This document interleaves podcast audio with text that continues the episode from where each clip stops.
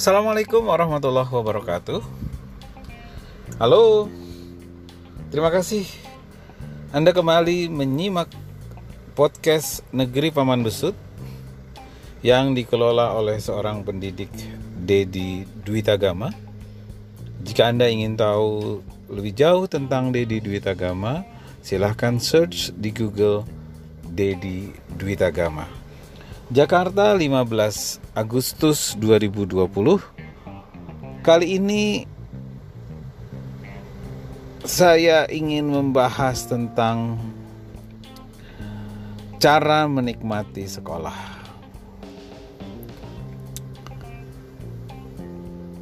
Berdasarkan pengamatan saya di negeri Paman Besut, ada berbagai cara anak murid menikmati sekolah. Ada yang Dia berangkat ke sekolah, tiba di sekolah dengan wajah datar-datar saja, biasa-biasa saja. Kemudian belajar juga dengan cara biasa-biasa saja. Semua pelajaran tidak ada yang istimewa di mata dia. Semuanya biasa-biasa saja. Karena yang dia lihat sekolah merupakan kebiasaan di keluarganya di mana semua anggota keluarganya kakak dan adik setiap hari bersekolah. Jadi dia ikut saja berangkat ke sekolah dan pulang juga dengan biasa-biasa saja.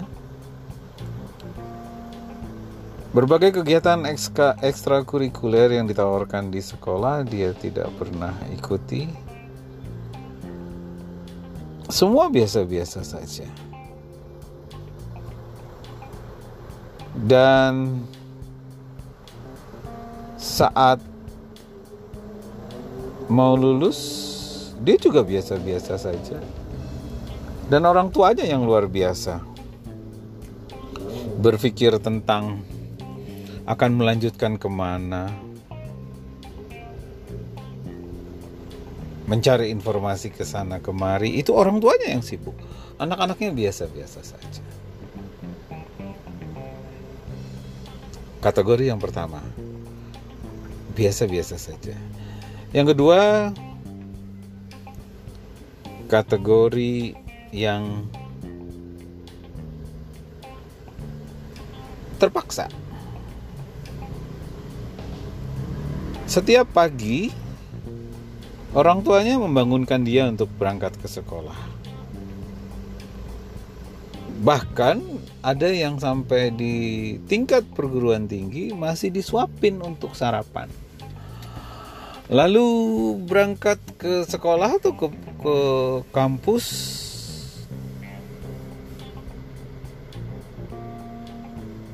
diantar atau diuprak-uprak untuk berangkat?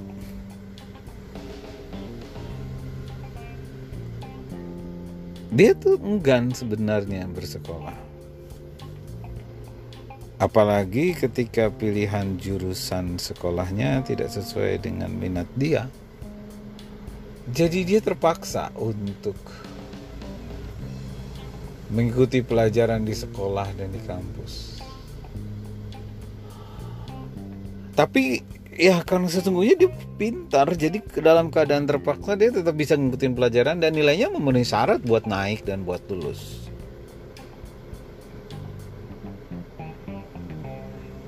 Cuma kadang-kadang anak yang seperti ini karena dalam keadaan terpaksa mengikuti sekolah dia mencari pelampiasan untuk melakukan hal yang menyenangkan buat dia.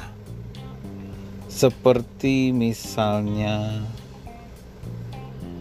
pulang sekolah nongkrong sama teman-temannya hingga malam hari. konvoy bermotor ke sana kemari hang out di warung kopi membahas berbagai topik yang tak jelas hingga malam hari. Atau ada yang yang pelampiasannya misalnya kemudian melakukan hobi seperti futsal uh, melatih uh, fisik untuk mendaki gunung atau apa. Itu itu ada hal yang baik-baiknya juga. Uh, di tengah keterpaksaan dia dia ingin tetap melakukan yang menyenangkan buat dia. Karena sesungguhnya dia tuh punya minat pada bidang lain dan karena tidak bisa teraktualisasi terpaksa atau dipaksa masuk jurusan yang tidak dia sukai kemudian dia mencari pelampiasannya itu yang kedua yang terpaksa dan yang ketiga adalah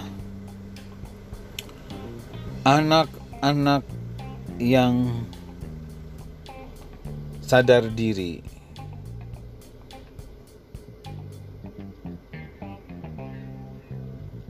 Anak itu sadar bahwa sebagai seorang anak untuk mengisi waktu di saat muda adalah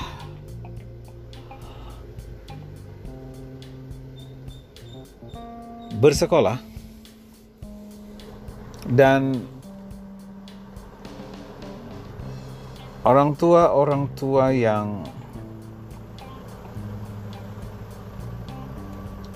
pandai melakukan pendekatan kepada anak itu bisa membuat anaknya fokus memilih jurusan yang diinginkan dan dikomunikasikan kepada orang tua sehingga tidak salah jurusan. Atau kalaupun dia tidak bisa masuk ke jurusan yang diinginkan dia masih bisa menerima ketika dia diterima di jurusan lain yang mungkin agak kurang sesuai dengan pilihan yang utama tetapi karena memang pilihan utamanya sulit ditembus dia tetap serius. Jadi dia berangkat kuliah dengan bahagia, dengan perasaan gembira, tak perlu dibangunkan, sarapan pagi, kemudian berangkat ke sekolah dengan bahagia. Di di sekolah juga dia bergembira dengan teman-teman yang yang punya aura positif di sekolah dan uh, biasanya anak-anak seperti ini uh, punya uh, kegiatan ekstrakurikuler di sekolah. Mereka nongkrongnya di sekolah sampai sore kadang sampai malam. Tapi untuk melakukan kegiatan-kegiatan yang positif yang yang yang ya dikelola secara resmi di sekolah dan uh, uh, uh, kadang mengikuti lomba di sana sini dan berprestasi. Dan sebelum lulus uh, mereka sudah mikir akan ke mana selanjutnya uh, ke tingkat pendidikan yang lebih tinggi apa jurusan apa atau ke perguruan tinggi mana bahkan uh, saat hampir lulus kuliah pun mereka sudah punya pemikiran akan kuliah di mana atau akan bekerja di mana. Nah, anak-anak yang sadar diri ini biasanya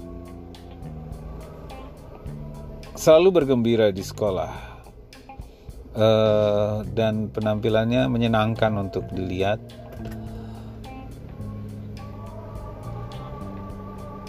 Dan ujung-ujungnya akhirnya baik yang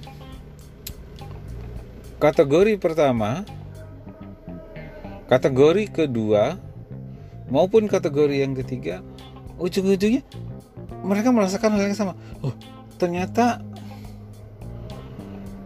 di SD 6 tahun SMP 3 tahun SMA 3 tahun dan kuliah 4 tahun. Terasa ternyata tidak lama. Tahu-tahu sudah mau lulus tahu-tahu sudah mau meninggalkan sekolah dan kampus. Karena endingnya sekolah buat siapa pun Anda ujungnya sama. Karena kelulusan akan tiba dan saat itu waktu seperti baru saja berlalu. Oleh sebab itu, untuk kamu yang masih sekolah, santuy aja nikmati sekolah dengan hal-hal yang baik. Kalau ada yang nggak enak, nggak usah dibawa baper karena ini semua bakal lewat dan ujung-ujungnya terasa sebentar gitu loh. Tapi kalau kesadaran akan perasaan sebentar itu datang dan kamu dalam posisi yang tidak siap untuk bersaing meraih uh, jurusan sekolah, kampus atau pekerjaan yang bagus buat masa depan kamu, ya kamu akan menjadi orang yang kalah. Tapi kalau kamu di akhir kesadaran bahwa ternyata sekolah itu sangat sebentar, kamu dalam posisi yang siap tempur penuh dengan amunisi, maka selamat datang di era hidup yang bahagia. Sejahteralah dirimu dengan nanti keluargamu, anak-anakmu, masa depanmu ada di tangan kamu. Jadi mau kategori yang mana pun dirimu, kamu yang akan menikmati. Selamat berjuang, anak-anak yang masih sekolah dan kuliah. Doa saya buat kamu, semoga sukses di tangan kamu dan kualitas hidup kalian lebih baik dari kualitas hidup orang tua kalian. Sampai jumpa di podcast berikutnya. Assalamualaikum warahmatullahi wabarakatuh.